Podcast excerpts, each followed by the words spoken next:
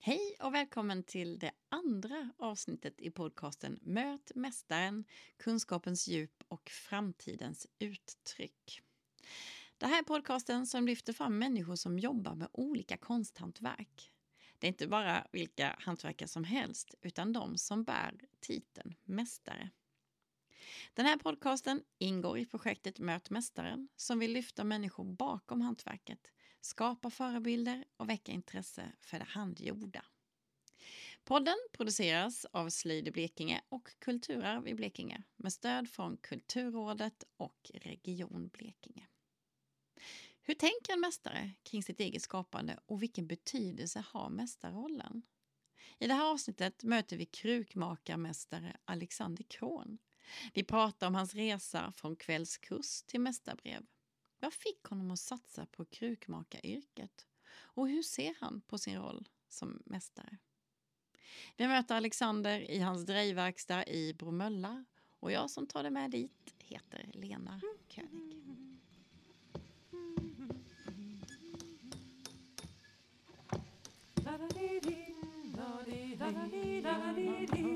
Mm.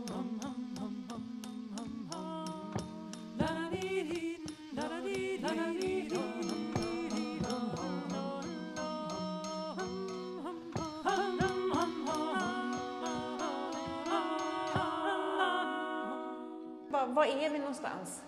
Jag är andfådd för att jag precis har gått upp eh, i trappan. Nu är vi på eh, Iver Center, eh, som är en kollektivverkstad här i Bromölla där jag har min verkstad. Där har jag varit i åtta år ungefär, flyttat in. De senaste två åren så är det så här eh, kollektivt, eh, eller vad heter det, föreningen som äger Ja, själva huset. Så nu är vi i trappuppgången som jag springer upp varje dag. Du, alltså vilken miljö det här är. Ja, det är Det är sån där riktig industri, de här stora, stora skitiga fönster. Ja, det är ganska sliten lokal också, men jag tycker det ger en, eh, en skön... eh, Alltså det är en charm med det. Så. Ja. Men det är jätte, De är från 20-talet jättehäftigt. någon gång ju. Det är som att komma in i en annan värld.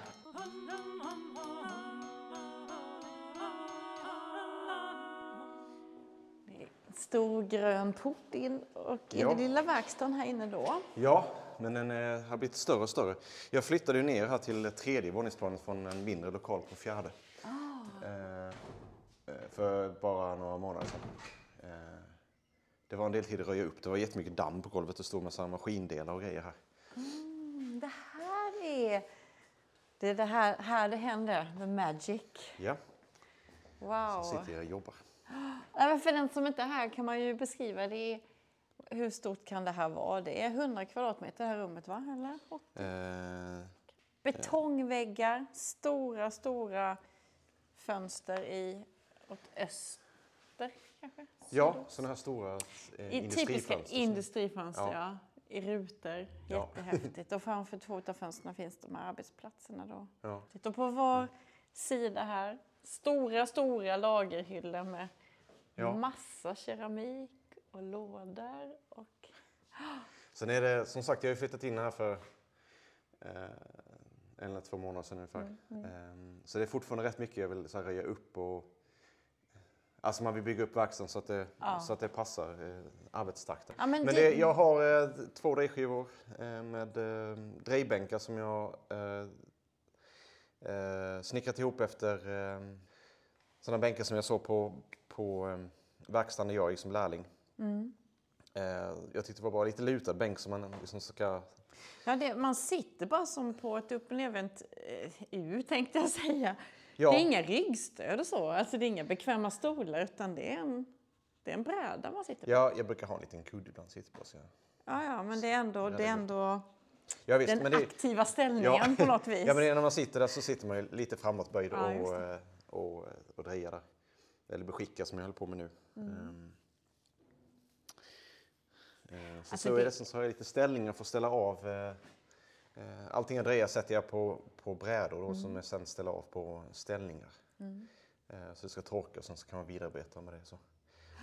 Eh, Men det är rätt mycket, alltså det här eh, att man tar idéer från krukmakeriet och varit på hur man ska eh, lägga upp eh, liksom, eh, jobbet i verkstaden. Sen är det ju rätt mycket mer individuellt, alltså hur jobbar man och Ja. Eh, Jag brukar ha massa olika projekt på samtidigt, i regel. Mm. För att är, ibland har man någon beställning och sen så är det någonting man måste göra eh, inför eh, kanske marknadssäsongen. Som jag, Mm. jag åker ut på lite marknader nu i sommar blir det. Eh, Så då måste jag liksom bygga upp lager för det.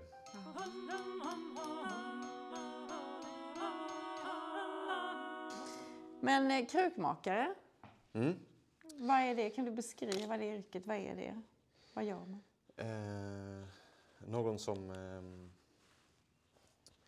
eh, tillverkar eh, keramik professionellt. Jag tycker det är väldigt knutet till eh, drejning, ska jag säga, om man ska kalla sig krukmakare. Alltså titeln krukmakare, då, då drejar man och tillverkar liksom Då Bruksföremål. Just det. Ja, Eh, ja. Kanske mer in, inriktat på alltså, större produktioner eller längre serier. Så. Mm. Inte bara eh, unika saker. Och, eh, eh, konstnärligt arbete även om man givetvis kan, kan Ja, hålla på med det också. Men jag tänker med, Ja. då, alltså med det här eh, Krukmakare för mig är mer den här traditionella bilden av någon som sitter Ja, och tillverkar liksom just större mängder krukor. Och vad, vad, är det, vad är det främst som du gör? Jag tillverkar eh, framförallt eh, bruksgods. Eh, eh, och det jobbar jag mycket med. Jag jobbar en hel del med replikor av medeltida keramik och historisk keramik. Eh, speciellt eh, medeltida då, som jag säljer på marknader och till museer och sådär. Ja, som det är ju jätteroligt. Men hur kommer Ja, det sig att du har valt det? Eh, just medeltida eller bruksgods. Ja. Det var en kompis som höll på med, alltså åkte en del på marknaden och sånt där som tyckte jag borde kunna göra lite grejer till, till marknaden. Så gjorde jag det och sen så blev det liksom att man fortsatte mer och mer och sen så eh, kom man underfund med vad som funkar och inte funkar. Och så, så. Mm. Eh, sen har jag ett stort intresse också själv, eller har alltid haft sådär.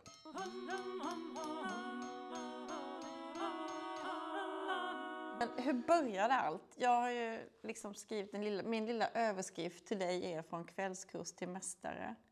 Hur kommer det sig att du, att du liksom gled in på det här? Eh, då på gymnasiet så började jag på kvällskurs på ABF i Karlskrona. Mm. Eh, eh, så det var en, gång- en gång i veckan då, en kväll, några timmar. Ehm, Och hur kom det sig att du ens gick dit? För ja, det var ju- det att jag... Eh, pappa hade arbetat på någon sommar på ett eh, Höganäs eh, keramik. Mm.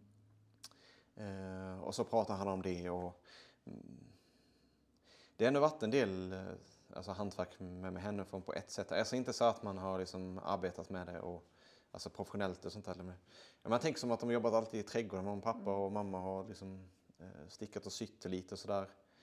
Eh, eh, och pappa har också hållit på med sina, kanske man täljer någonting lite ibland eller sådär. Lite småpyssel så mer som att man haft det med sig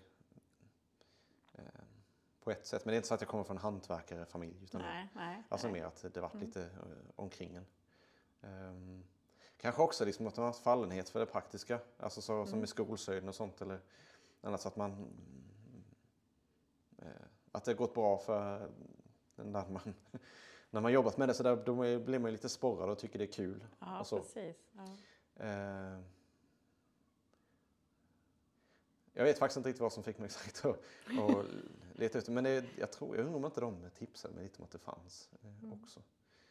Eh, men sen när jag, när, jag, när jag började så fastnade jag i det att jag tyckte att alltså lerande är som eh, härligt material. Alltså det finns så mycket man kan göra man kan jag skulpterade en del då och drejade lite. Eh, Det gick inte någon vidare egentligen med de drejningar som jag gjorde på, på kvällskursen där. det var det också så att man drejade kanske ibland så här varannan vecka eller någonting. Ja. Så det, det tar ju lång tid att liksom eh, komma en vart på det. Man behöver liksom mer, lite kontinuerligt, lite, Mm. lite längre. Där. Så gick jag någon eh, sommarkurs i skulptur eh, och någon sommarkurs i drejning också. Då fick jag lite mer kläm på det då när jag gick den här sommarkursen när det var mer intensivt. Ehm, vilket gjorde vi då att man ville fortsätta med det efter gymnasiet. Men det var inte så här heller att jag kände att eh, då att det var någon självklarhet att man skulle liksom fortsätta med det sen i yrkeslivet.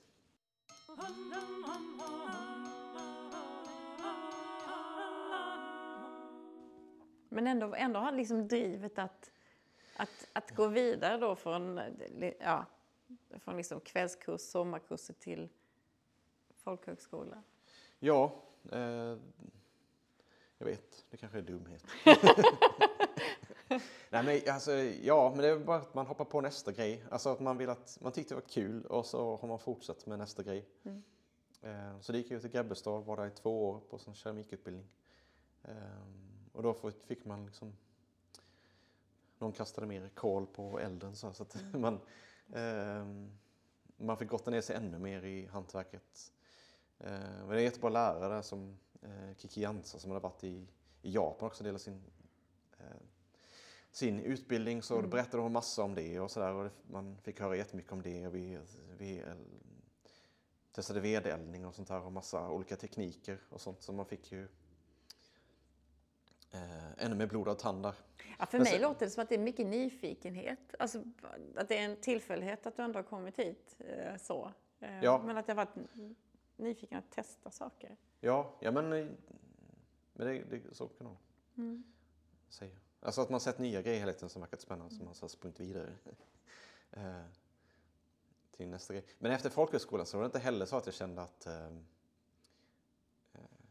eller att jag var så här bombsäker på att det här kommer jag jobba med Nej. sen senare. Eh, men då lyckades jag ju reda på något vis att det, alltså Höganäs saltlaserat då, Mm.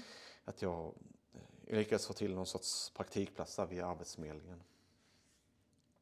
Eh, Så så jag var där några månader eh, och jobbade med lite av varje. Men där lärde jag mig också väldigt mycket ifrån. Eh, Och fick mycket av den här, eh, mer kanske hur man jobbar i en verkstad och lite av de här krukmakartraditionen också. Så kom det in folk som så här, produktionsdrejade ibland. Alltså kom dit och så Ja, drejade de. det. Ja, en ja, period. Mm, mm, de hade vissa. Och de hade ju inte, de hade betalt per grej de gjorde så att de kunde ju inte komma och hjälpa mig med Nej. mitt heller. Utan, men det var ju inspirerande att titta på dem och prata med dem så, hur de jobbade. Men hur viktigt har det varit det där att, att hamna i de här i själva sammanhangen för att du, för att du har fortsatt? Ja Alltså- men väldigt viktigt eh, skulle jag säga. Eh, man får ju ta del på något vis av en krukmakarkultur där. Mm.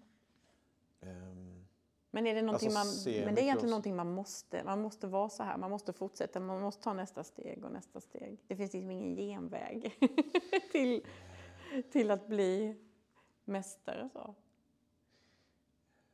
nej, antingen det eller man, man kan ju gå på... Eh,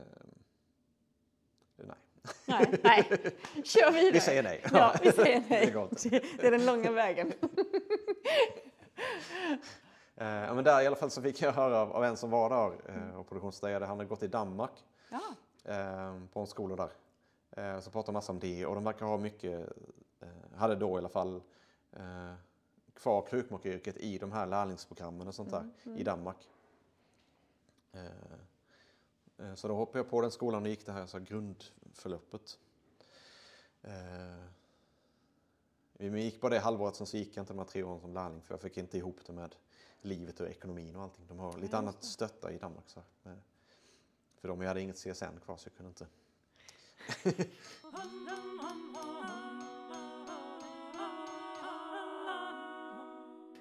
det. Men jag var några månader i Frankrike vid en EU-utbyte på en verkstad där. Eh, som också gav jättemycket. Alltså man fick se hur de jobbar där. Dels där i verkstaden som så andra runt omkring. Det var en sån liten by med 300 invånare varav hälften var krukmakare. Och massa vedugnar runt hela byn. Ja, Wow, men det måste jag ha gett, alltså ja, jätte, blivit... Oh, vad häftigt. ja det var riktigt eh, kul. Var det. Eh, Men hur- hur var Så var det det i då? maj också. Så, här, så det var, Åh. eh, eller april, maj var det. Mm. Så det var vackert också. Men hur blir det? För du, du drejade där eller? Eller vad gjorde du På, I i Frankrike. Frankrike?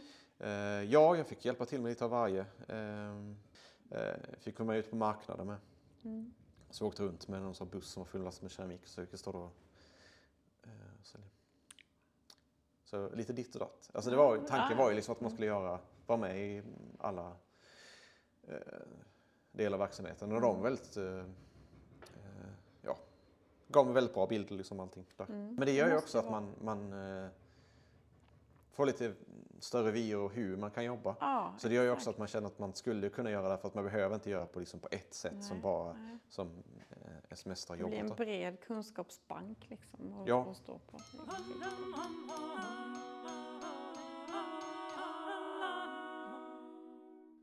Och sen då? För det, Ja, eh, och sen efter det så eh, var jag hemma hos mina föräldrar och högg ved ett tag.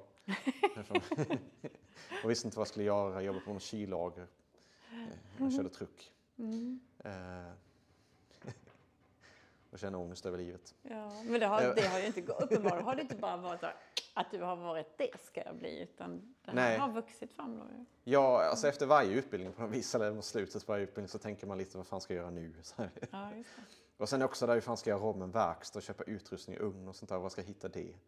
Eh, alltså att man inte bara har någon sån här, jag har inte bara någon sån här lokal någonstans som står och Nej. väntar på mig med drejskiva och ugn och allting sånt där.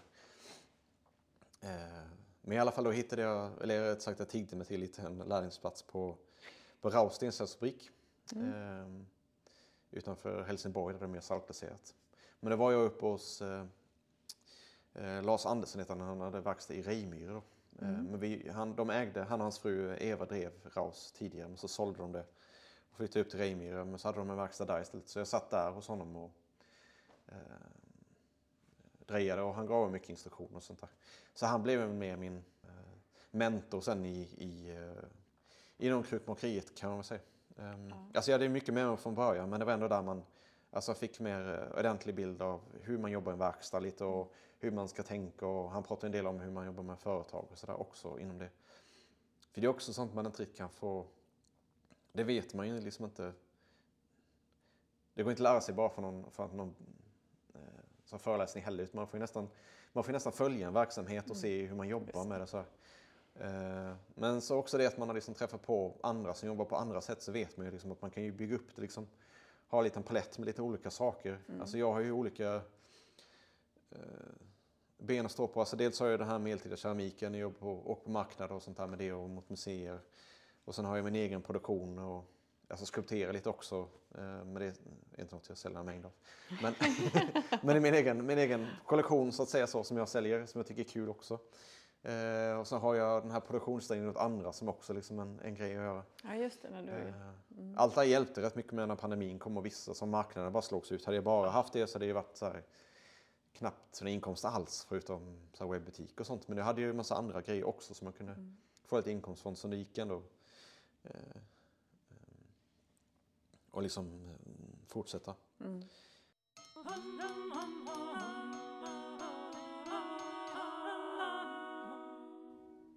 Men sen då att ta det från, från det där och vara lite lärling och så till att... För då har du tagit gesällbrev, eller hur? Ja, men det gjorde jag. Eh, det fanns inte när jag eh, kan tänka mig vara redo att ta det. Alltså efter lärlingsperiod och allting sånt Nej, där. nej. Det kom nu på senare år så därför så tog jag det liksom som en... Eh, man kunde skicka in som CV och sen så bilder liksom kanske på... Man säger så, bevis på att man jobbar professionellt och har visst antal timmar inom yrket.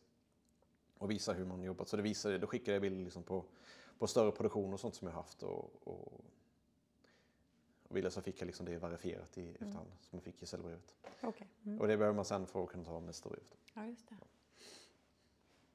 Och hur växte mästarbrevsgrejen fram? Grejen! Nej, men jag såg att folk eh, hade tagit det och att det, började, att det kom igen. Mm. Eh, eh, så, så tänkte jag väl att det kunde man ju ansöka om, men jag har inte riktigt... ehm, jag fick en tummen ur, kanske. eh, sen pratade jag med mästare Lasse då, alltså han som var min mästare, att han hade tagit, de höll på att ta mästarbrev Ja. där på hans verkstad som han hade då. Så sa han också så att ja, men det kan väl gott du också, sa Alexander. Så det Mm. det är också där på något vis. Så, eh, så då tänkte jag mig att vad fan, ja. Mm. Eh, att det ska jag ha. att det vill jag ha. Liksom så. Eh, och att det kändes viktigt också att få någon sorts eh, bevis på att man, mm, man är på en viss nivå på det och mm, allt det jag pratat om. Och med, Ja, ja, med att vara, vara en del av en levande hantverkstradition eh, och det om att ta in lärlingar och sånt där.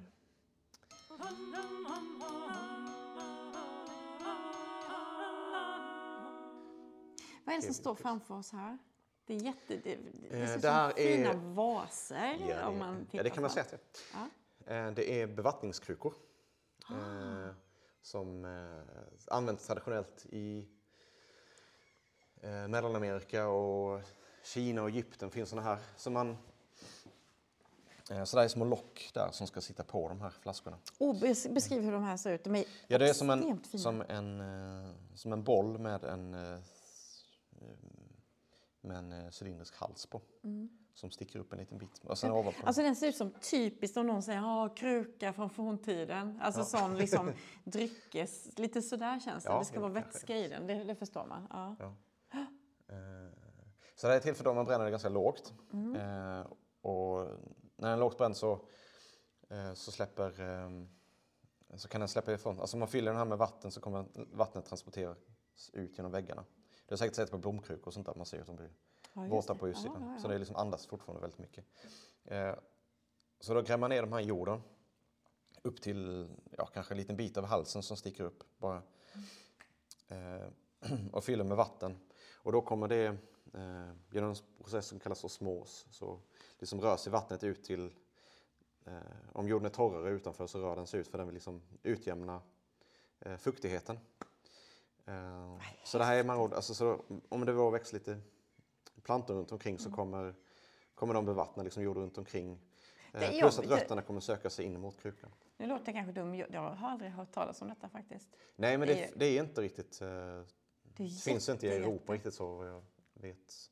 Men det är då, då är det nere där det varit liksom i torrare klimat. Att Ja. man har gjort så för att inte bara vattna och så dunstar allt och försvinner ut. Utan att det, Ja, precis. Ehm, för där kanske inte liksom fukten kunnat tränga ner eh, ända ner till rötterna innan just det och har... behålla. Nej. eh, Vad häftigt! Sån här vill jag ha. Eh, nej men det, för det tycker jag med alltså då, eh, När det nu också blir torrare och torrare sommar och vi behöver spara på vattnet så är det här en utmärkt grej. Eh, jag har ju haft eh, sådana här lite mindre i större blomkrukor och haft mm. sallad i. Och då har jag ändå varit iväg sådär eh, en vecka men salladen har inte dött eller så visat ner utan liksom, jag har kunnat eh, Alltså de har kunnat behålla här. Eh, liksom, i livet genom att, genom att ha sådana här. Det är klart att vi ska bra. använda det. Ja.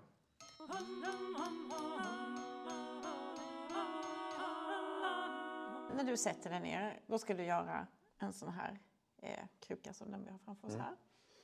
Hur, hur, hur går själva processen till från att du hämtar en klump till den står här? Kan man hänga med på att, när du gör någonting? Ja. nu? Det vore jättekul. För då så kan du berätta under tiden. Jag ska bara... Det... Ibland, vissa dagar när man jobbar, så blir man lite inne i allting så har man inte koll på klockan. Nej, just det. Så- Så, får man springa. Ja, men så blir det att man eh, bara fan, nu måste jag hem. så det hinner man inte plocka undan så mycket. Så blir så här. Annars har jag sån ambition att ändå eh, alltså lämna arbetsplatsen. så att du bara kan starta. Ja, för det är så skönt att bara kunna sätta sig och börja jobba direkt. Och inte hålla på och städa upp en massa.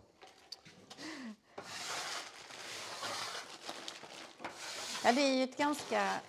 Ett litet smutsigt jobb, så att säga. Ja, Men för den saken skulle inte skitigt, om man säger så. Det är ändå en trevlig smuts ju. Men Ja. det blir dammigt och det blir klibbigt och det blir lerigt. Ja. Eh, det är det, man vill gärna undvika dammet för att det är ju eh, eh, inte så, så nyttigt med kvartsdamm. Nej. Nej, nej, du tänkte för egen del då, ja. Ja. ja.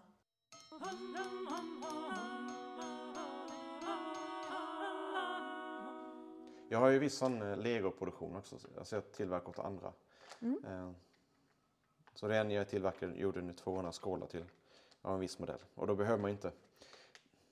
Den sitter ju där ganska...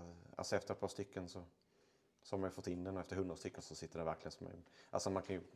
Då sitter jag lyssnar jag på poddar och så här. Man Ja, tänker på det. annat. Ja. Det blir lite mer meditativt. Man kommer in i någon sorts flow så, vad man ska kalla det. Hur, är, hur känns det? Det måste ändå vara häftigt. Det är som att köra bil, liksom. Att man kör, men man sitter ju inte hela tiden och tänker på varenda grej man gör. Nej precis, man har, man har uppmärksamhet på vägen men man behöver inte lägga ner hela sin själ i. Nej. Ehm, Men just jag tänkte på det här med, med lera här. Nu plockar du fram lera här ju. ja, Och så. Du har jobbat med det här i...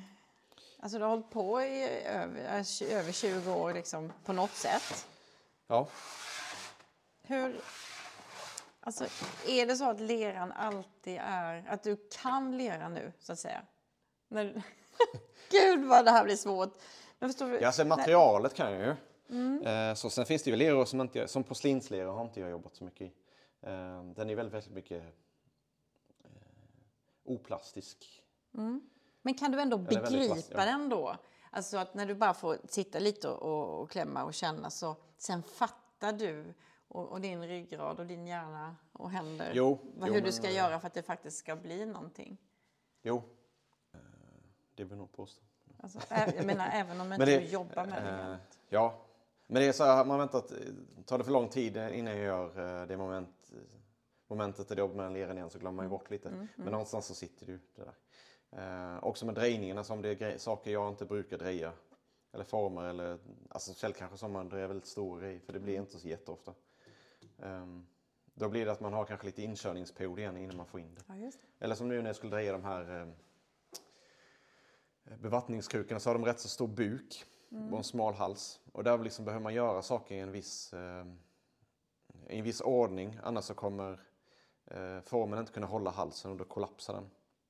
Ja, ja, och sen måste man få ur sin hand ur den där möbeln. Ja, Nej, men så man, ska, man har den lite bredare från början och så stryker Ja. man till det där sista man Ja, gör. det. Ja. Men det är att man ska liksom få ut buken så pass mycket eh, med händerna innan man stryper till det. Sen så har jag en pinne som jag liksom så trycker ut buken lite extra med. Som är mer eh, japansk än den är svensk. Men det tycker jag också man ska ta till sig. Liksom. Eh, även om jag jobbar eh, om jag tänker på yrket och på krukmakeri som väldigt så traditionellt så tycker jag ändå, alltså man bör ju ändå liksom ta in, ta till sig nya, nya intryck och nya sätt att jobba på för att man, eh, man är inte någon sån här statisk. Nej.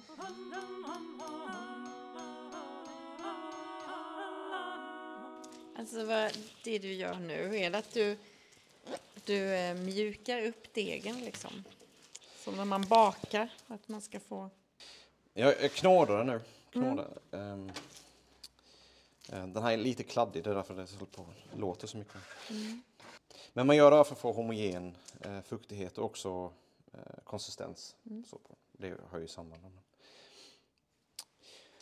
Eh, men om det, alltså som om det är en hård klump någonstans eller någonting sånt så kan man liksom eh, göra den lika mjuk som resten. Sen har jag blandat i en del återmunnen lera i den här också. Ja. Eh, tillsammans med eh, legotsleran.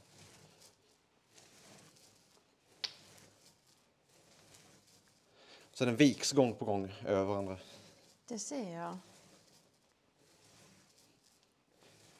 Sen får man också ut luft och sånt ur leran när man knådar det. Hur länge gör du det? Alltså, hur, Tills det är färdigt. hur vet man det? Ja, man får... Det känner man. ja, men om man känner att leran är väldigt ojämn eh, i konsistens eller om det är mycket luftbubblor. Alltså du ser här, det spricker lite. Eh, det är luftbubblor. Där är någon skräp. Eh, då får man ju fortsätta knåda, men om man märker att den börjar bli liksom eh, jämn och fin så man, man lär sig.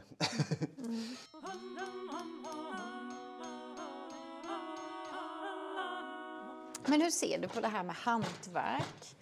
Vi vet ju att det har alltid funnits. Ja. Eh, Men vad är det liksom på väg? Det känns...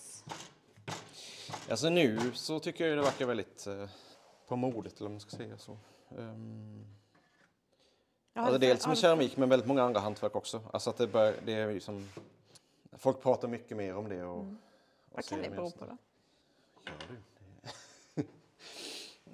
Har du Dels kan man ju tänka sig att vi kanske, att det har på senare tid har kommit så, ja, vi har jobbar väldigt mycket med datorerna och det digitala och så, Mm. att man kanske känner ett större behov av att närma sig någonting som är mer, Mm. eh, där man jobbar med händerna och som, eh, där det blir väldigt säga, direkta resultat eller direkta, Ja, det. det kommer lite kråkor på besök.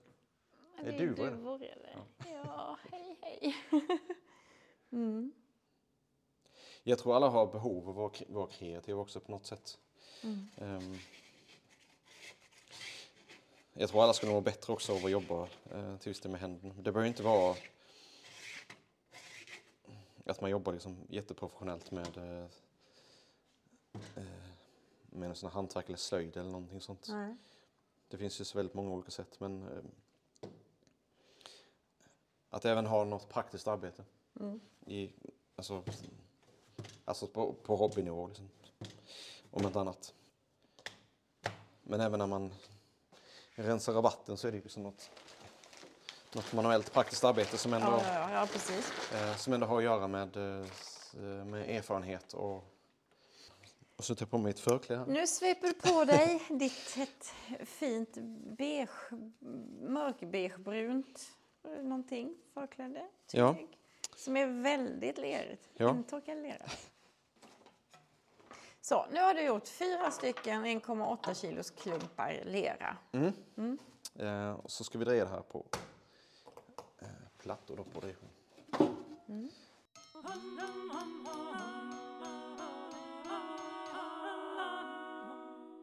Så. För leran har ju som minne. Eh, så när jag drejar och sen ska man lyfta av den från drejsjön till, till plankan så, så, eh, så om jag skevar till den så att det blir lite oval då har man liksom brutit något inne i leran. Ungefär som när du så här, viker ett papper och sen ska släta ut igen. Du kommer inte få bort den här utan det kommer knäcka till igen. Ehm, så gör jag leran också, så sen när den torkar så skevar den tillbaka sig. Så därför är det bra om man då drejar på små plattor så kan man låta det torka så pass mycket att de går att hantera. De har ett minne. Ja. Leran har ett minne. Ja. ja, de minns på alla dåliga saker. Ja, då gäller det att du behandlar lerklumpen med kärlek hela vägen. Ja, Annars blir det skit.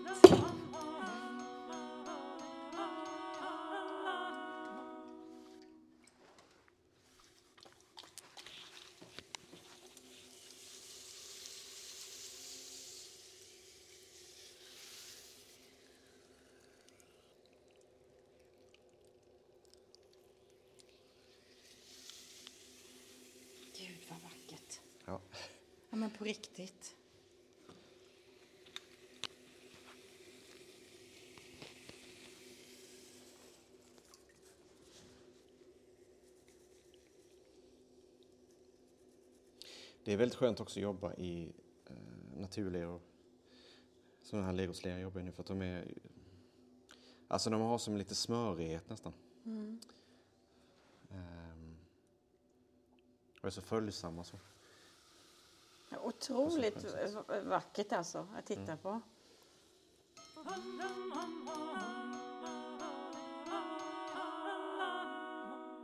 Mästarbrev. Vad har mästaren för roll idag? Vad är din roll som mästare?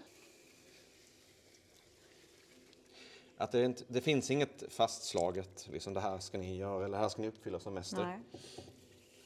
Men för min egen del så kan jag känna att, eh, att det finns ett ansvar att föra vidare de mm, kunskaperna eh, som man har.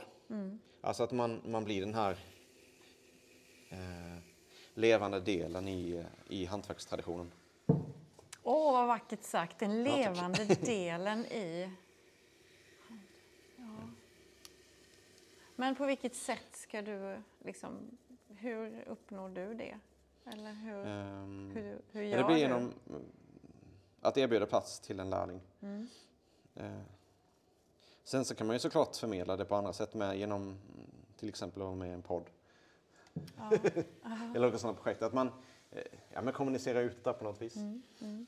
Ehm, hjälper till att lyfta upp ehm, hantverket. Men alltså, om, om det ska vara levande så, så måste det ju strömma till nya. Ja.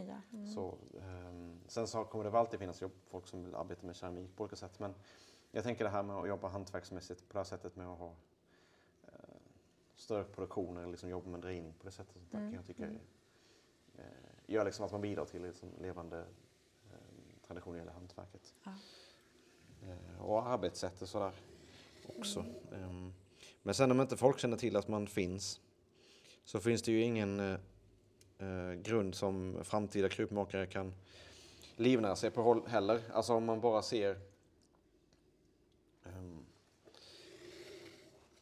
om sånt fabriksgjort blir det som är eller, om folk inte har den uppskattningen för, för eh, hantverket och för det, eh, att det är tillverkat liksom på, att de inte ser värdet i, eh, i arbetet. Mm, mm. och alltså, traditionen bakom och sånt där så, så finns det ju liksom ingen grund för framtida krumhuggare att och livnära sig heller. Nej, och är det den här stora produktions... De stora produktionerna som gör att vi, eh, vi slipper att... Var och en slipper ta ansvar för att lära sig olika saker. Eh, för vi kan köpa det ganska billigt. Eh, och då har liksom kommit till den nivån att, att vi inte längre betalar för vad det faktiskt och egentligen kostar att tillverka något. Alltså att, Ja, alltså många produkter som importeras och sånt där, det, att de är billigare är mer för att någon inte fått betalt för det. ja.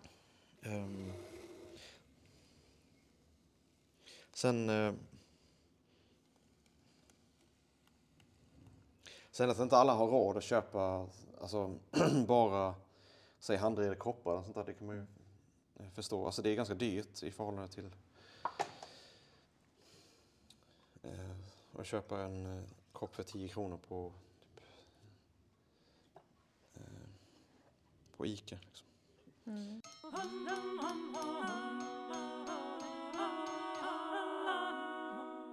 I den här lilla podden också sen så pratar vi om det här med handens kunskap. Mm.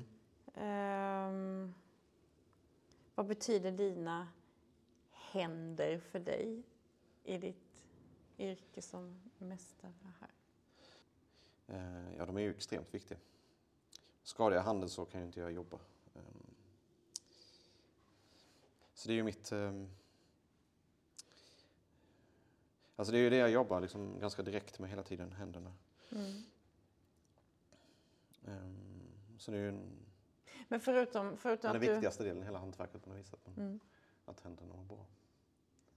Jag har de som har så här, tagit ut särskilda försäkringar för händerna.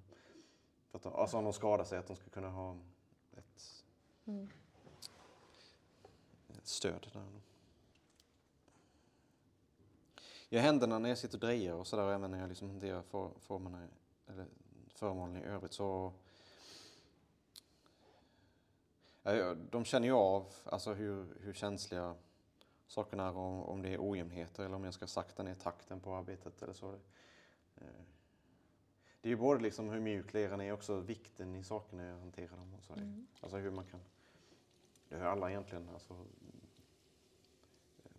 Men, jag tänker man, man, eh, man förfinar på något vis vissa eh, upplevelser som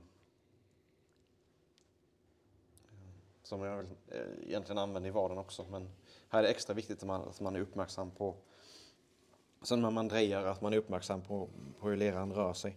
Mm. Och hur leran känns. Om man märker att den börjar bli trött eller så. Att man liksom får anpassa rörelserna efter det. Mm. Och det går ju, i början så är det ju sånt som är, det är sånt som är svårt att liksom eh, kunna från början. Ja. Så det är ju sånt som man, man övar upp. Alltså det är där erfarenheten också kommer in i bilden. Att man, Men, men då, jag menar, hur, och det, vi touchade lite innan. Hur, hur lång tid tar det till man kommer? Om jag nu börjar, jag går på kurs hos dig liksom. Eh, hur lång tid tar det innan man får en känsla för leran? För för mig är det antagligen om jag sätter mig här så blir det liksom bara så här att allting bara fladdrar och åker och du ska hålla så och så håller jag, nej då höll jag för hårt. Eller för, alltså, jag har ju ingen känsla. Det, eh. alltså det kan ju ta ett par år innan du behärskar det riktigt ordentligt. Mm. När du säger ett par år, är det par år, några år på kvällskurs eller är det... Nej men Att att, jobba du med eh, kontinuerlig tid med. Jag vet inte, fem år om du... Mm. Eh, som lärling via det här hantverks eh, som finns nu så, så går det ju tre år som lärling. Så hon som ska komma till mig i höst har har liksom en utbildning i ryggen men hon ska ändå gå som lärling i tre år också. Ja. Ska hon vara hos Ehm. dig i tre år då eller? Eh, ja, alltså inte nödvändigtvis, men hon ska vara Nej. på en lärlingsplats i tre år. Sen kan hon ju skifta runt och det tror jag är rätt bra också för att man, man jobbar på olika sätt och det finns mycket att lära genom att byta verkstad. Eh, också. Det tycker jag man har lärt sig väldigt mycket på. Mm. Men jag har märkt att de som arbetar eh,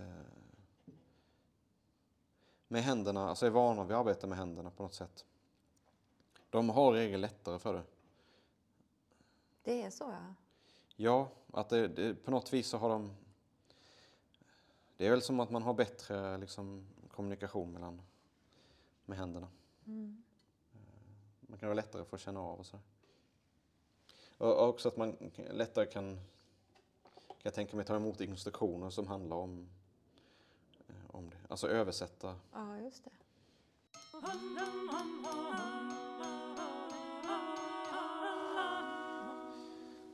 Ja, du har ju ändå valt nu och, och liksom då att, att fortsätta med detta och satsa på det. Vad, vad är det som gör att du, att du fastnade i det och att det blev ditt yrke och din profession?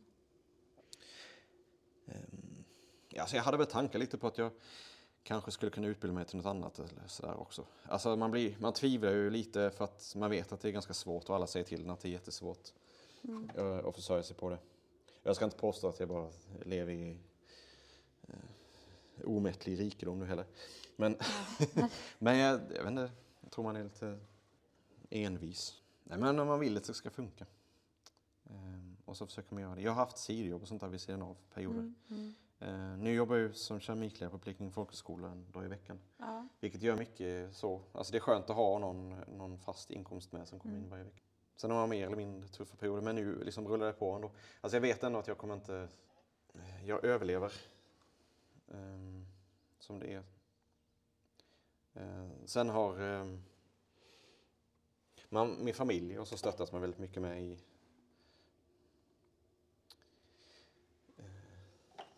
i det här. Eller tyckte det varit roligt att man håller på med och kommit med glada tillrop. Så jag tror det gör väldigt mycket med.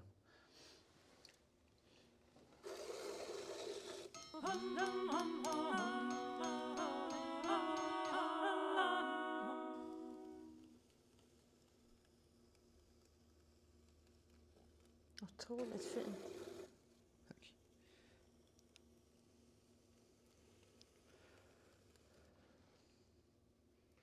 Det ser så enkelt ut. Men det är det också. Det är ingenting med Vad, eh, vad betyder den där mästartiteln för dig? Ehm, Ja, det är någonting man är stolt över. Eh, Att man har uppnått och att man har. Ehm, Jag har ju pusslat lite ihop min utbildning inom olika sk- utbildningar och, ehm, och praktik och lärlingsperioder och sånt. Mm. Ehm, Så det känns som ett be- bevis på det, det jag har gjort där. Eftersom jag inte har någon examen och sånt där heller. Men är det viktigt, är det Eh. viktigt för dig att, med titeln? Ja, det är viktigt. Ja. Var, varför, varför känner du det? Nej, men det blir en stolthet i det. Alltså att man har ett bevis på, på vem man är yrk, yrkesmässigt. Ehm, det känns också som att det... eh, alltså man blir en del av eh, en hantverkstradition där. Ehm, och att man då liksom kan, kan vara en del av att föra det vidare och hålla det levande och sånt där. Mm. Men jag menar vissa delar av det jag gör och sättet jag jobbar på. eh, Alltså är ju väldigt mycket. eh, Alltså det ligger ju väldigt likt eh, alltså hur man jobbat traditionellt Mm. under många hundra år. Ja, precis. När, alltså under tiden man har drejat och så. Eh, Alltså de här stora produktionerna och sitta och så. Sen så verkstäder och sätt att jobba på och sånt där förändras ju väldigt mycket också. Det finns ju väldigt få ställen man kan hitta någon anställning som, som drejare. Utan ofta är det ju små, små verkstäder. Eh, Vilket i och för sig har varit på sin håll också, historiskt.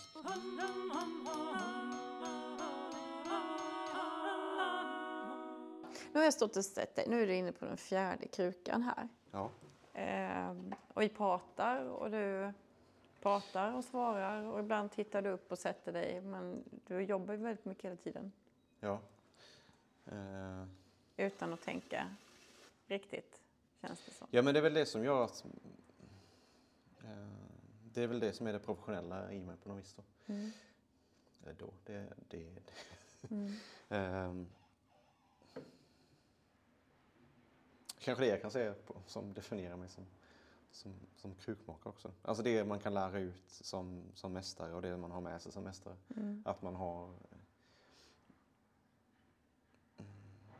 Att den här känslan för, för hantverket och för material liksom finns, finns i mig Mm. och i mina händer och så. Många saker går ju inte att säga bara så här ska du göra, så här ska det kännas för det är som... Det ska vara lagom liksom. Eller, Mm. Mm. det ska vara... Ja, man, man måste lära sig hur... Och det är ju där att man måste göra de här tusentals misstagen för att liksom komma dit, att man, att man vet. Så man har ju en... Alltså någons omedvetet så bockar man väl av liksom. Mm. Eh, om man märker att någonting händer med leran så bockar man av det här misstaget kan hända. Och då ska jag göra så här för att eh, komma runt det. Mm. Men det krävs ju ett visst tålamod för det. Ja, Mm. Är, det är det det som tryter nu då? I det nya samhället? TikTok-samhället liksom? eh, Eller vad? det kanske det är. Mm. Jo, alltså, visst, alltså man får, där får man ju väldigt snabb bekräftelse hela tiden. Eh, så kan det visst hända, men allting i samhället egentligen går ju, alltså allting ska gå väldigt snabbt hela tiden. Mm. Eh, så det är väl på något vis någon riktning man, vi haft länge. Mm. Men om man vill komma runt det där så är ju slöjden i skolan viktig. Mm. Ja, Eh, precis. Och också liksom pratar- lyfta fram det, det praktiska eh, i, i skolgången. Eh, och att man har det med sig. Att man inte bara har det som något val i gymnasiet sen om man ska gå en praktisk linje eller inte. Utan att man, eh, man får ha praktiskt arbete med så att man lyfter upp det. Och det, för det, det definierar också lite på hur viktigt att man, man tycker någonting är. Mm. Och om, om man liksom i nio års skolgång som en del tycker inte ska ha något eh, hantverksmässigt på något vis eller bild eller sådär. Då, då, eh, då säger man egentligen att det inte är något viktigt i det. Eh, samtidigt ska de komma och gnälla sen för att det inte finns folk som eh, jobbar praktiskt. Att man ska gnälla över Ja, det är lite som att, då, som att konsthantverket är en liten, eh, ett litet smycke bara så. För att det ska man ha i alla kulturer och samhällen. Några som håller på lite. Ja, Men det är ändå ingenting man satsar på. Alltså som faktiskt är en viktig del och är en del av mm, framtida samhället då. Ja, men också Och bara sen- här grundläggande, alltså att folk kan jobba praktiskt och ha praktiska kunskaper. Mm. Alltså om man då säger att folk eh, använder för mycket digitala medier och sånt där och folk bara gör det hela tiden. Mm. Och att det inte är nyttigt för människor. Eh, men ändå så vill man inte erbjuda någonting annat än digitala, eh, digital underhållning eller dig- digitala lösningar på allting. Men Mm. eh, ändå ska folk på något vis bara automatiskt vara, eh, jobba praktiskt. Ja.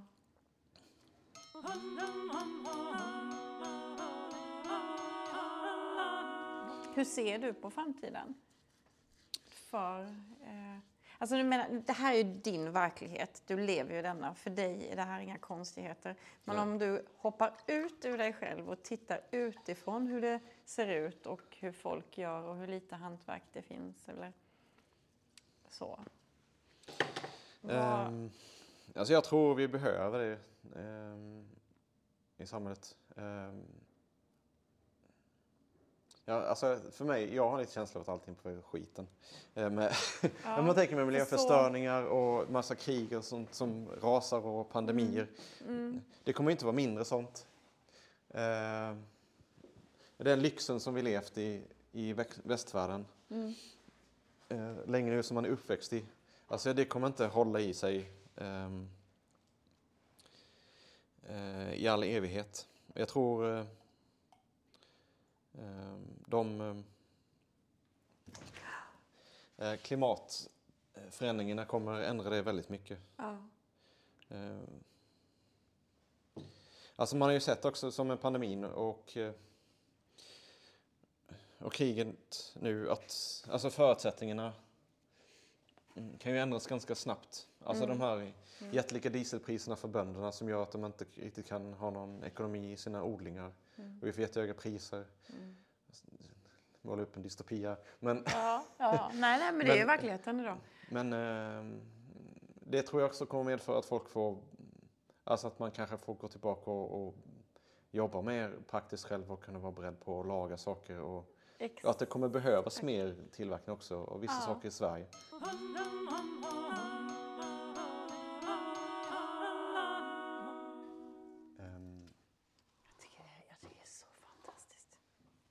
Häftigt. så ska vi ta och...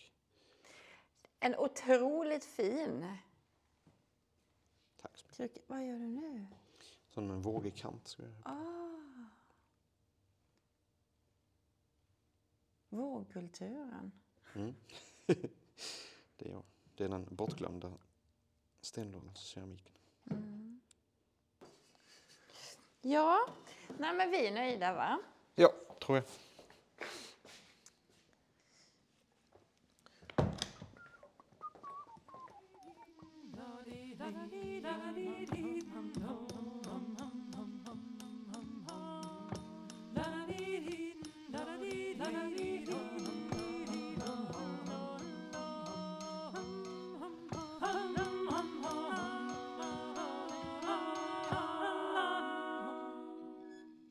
Du har lyssnat på ett avsnitt i podcasten Möt Mästaren, kunskapens djup och framtidens uttryck. En podd som är en del av projektet Möt Mästaren. Just det här avsnittet är gjort av mig, Elena König, på uppdrag av Slöjd i Blekinge och Kulturarv i Blekinge med stöd från Kulturrådet och Region Blekinge. Musiken du hörde i avsnittet är gjort av riksspelman och folksångerskan Astrid Selling. Vill du höra fler avsnitt om en mästare inom konsthantverk så kommer det att komma fler avsnitt efterhand. Håll bara utkik eller följ podden så kommer du få en påminnelse när det släpps nya avsnitt. Och podden, ja, den hittar du där poddar finns.